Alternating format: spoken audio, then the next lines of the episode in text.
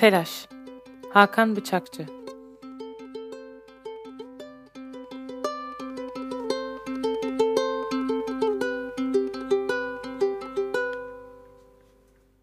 Trafik aşırı derecede yoğundu. Kabataş'ın ıslak karanlığının içinde bataklığa saplanmış bir kurbağa gibi ilerlemeye çalışan yeşil belediye otobüsünün içindeydim. İçerisi kalabalık, havasız ve sessizdi. Zaman durmuş gibiydi. Saatim 18.24'ü gösteriyordu. 18.30 deniz otobüsüne yetişmeye çalışıyordum. Bir sonraki deniz otobüsü 45 dakika sonraydı.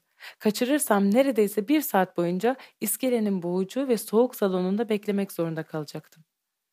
Bekleme ihtimalinin sıkıntısı içimde genişlemeye başlamıştı bile. Sabahın köründen beri bu ıslak ve gürültülü sokaklardaydım ve kendimi evimin kuru sessizliğine atmak için bir dakikalık gecikmeye bile tahammülüm kalmamıştı. Tekrar saate baktım. 18.25. Ancak otobüsten inip koşarsam yetişebilecektim. Arka kapıyı açabilir miyiz? diye bağırdım. Otobüsün önünden soğuk bir ses yükseldi. İleride durak var beyefendi. Burada duramıyoruz. Şoför burada duramıyoruz diyordu ama sıkışık trafik yüzünden tam da burada duruyorduk.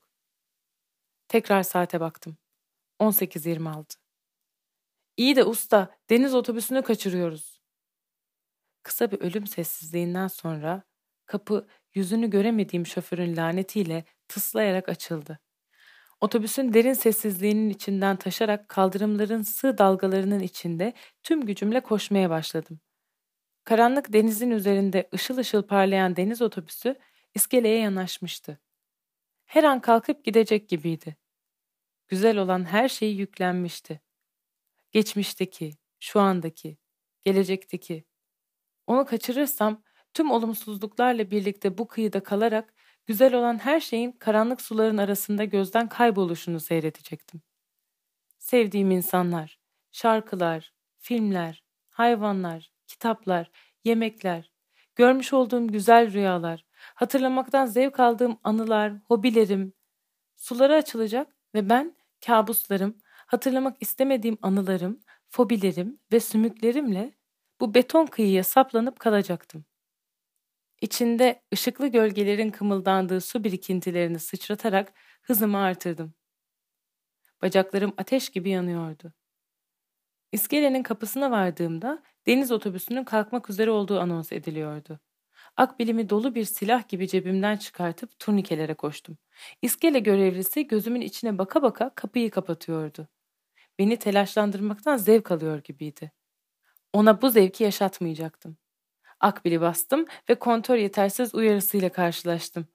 Önce kırmızı ışık yandı, sonra kontörümün kalmamış olduğunu bildiren sinir bozucu düdük çaldı.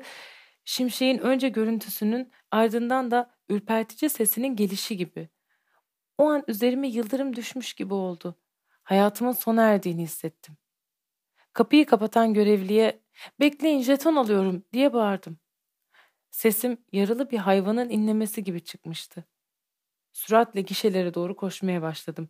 Gözüme en hızlı ve uyanık gözüken görevliyi seçip ona yöneldim. Bir yandan devasa bir fareyi andıran gri kazaklı adama doğru koşuyor. Bir yandan cebimden para çıkartıyor, bir yandan da jeton lütfen diye sesleniyordum. Parayı cam duvardaki fare deliğinden içeri uzattım, jetonu aldım. Para üzerini beklemeden aç ve vahşi bir hayvan gibi turnikelere doğru koşmaya başladım. Kaybettiğim her saniye içimi tüketiyordu. Deniz otobüsüne yetişmeye çalıştıkça onu kaçırma ihtimalinin yakıcılığı artıyordu. Jetonumu attım, turnikeden geçtim. Yan yana duran iki kapıdan biri kapanmıştı. Kapanmakta olan ikinci kapıdan son anda yan yan koşarak geçtim. Deniz otobüsünün iskelesi kaldırılıyordu. Son bir çabayla depara kalkıp iskelenin üzerinden atlayarak gemiye ayak bastım. Nefes nefese kalmış bir halde Kapıdan girdiğim anda içeride müthiş bir alkış patladı.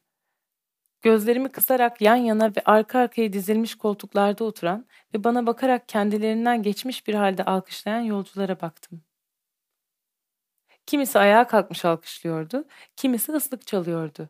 Ne yapacağımı şaşırmış bir halde karşımda coşkuyla beni kutlamakta olan kalabalığa bakıyordum. Bu bir tür şaka olmalıydı. Ancak kimse gülmüyordu. Kimse gülmüyordu. Herkes alkışlıyordu. Herkes alkışlıyordu. Kimse gülmüyordu. Gözlerin hemen hepsi üzerime odaklanmıştı. Bana bakmayan gözlerse arkamdaki televizyona bakıyordu. Haber programları ve reklam filmleri yayınlamak üzere gemiye yerleştirilmiş olan televizyona baktım. Ağır çekimde gemiye atlayışımın görüntüsünü vermekteydi. Diğer köşedeki televizyondaysa iskele kapısından yan yan koşarak geçmekte olduğum an tekrarlanıyordu. Buraya yetişmek için yaşadıklarımı bu ekranlardan izlemişlerdi. Herkes bana bakmayı ve alkışlamayı sürdürüyordu. Kulaklarımda patlayan alkış seslerinin ve görüntümü kemiren göz bebeklerinin feci saldırısına uğramıştım. Çığlık çığlığa koşarak televizyonlardan birine kafa atmak geldi içimden. Onun yerine kafa selamı verip arkadaki boş koltuklara doğru yürümeye başladım.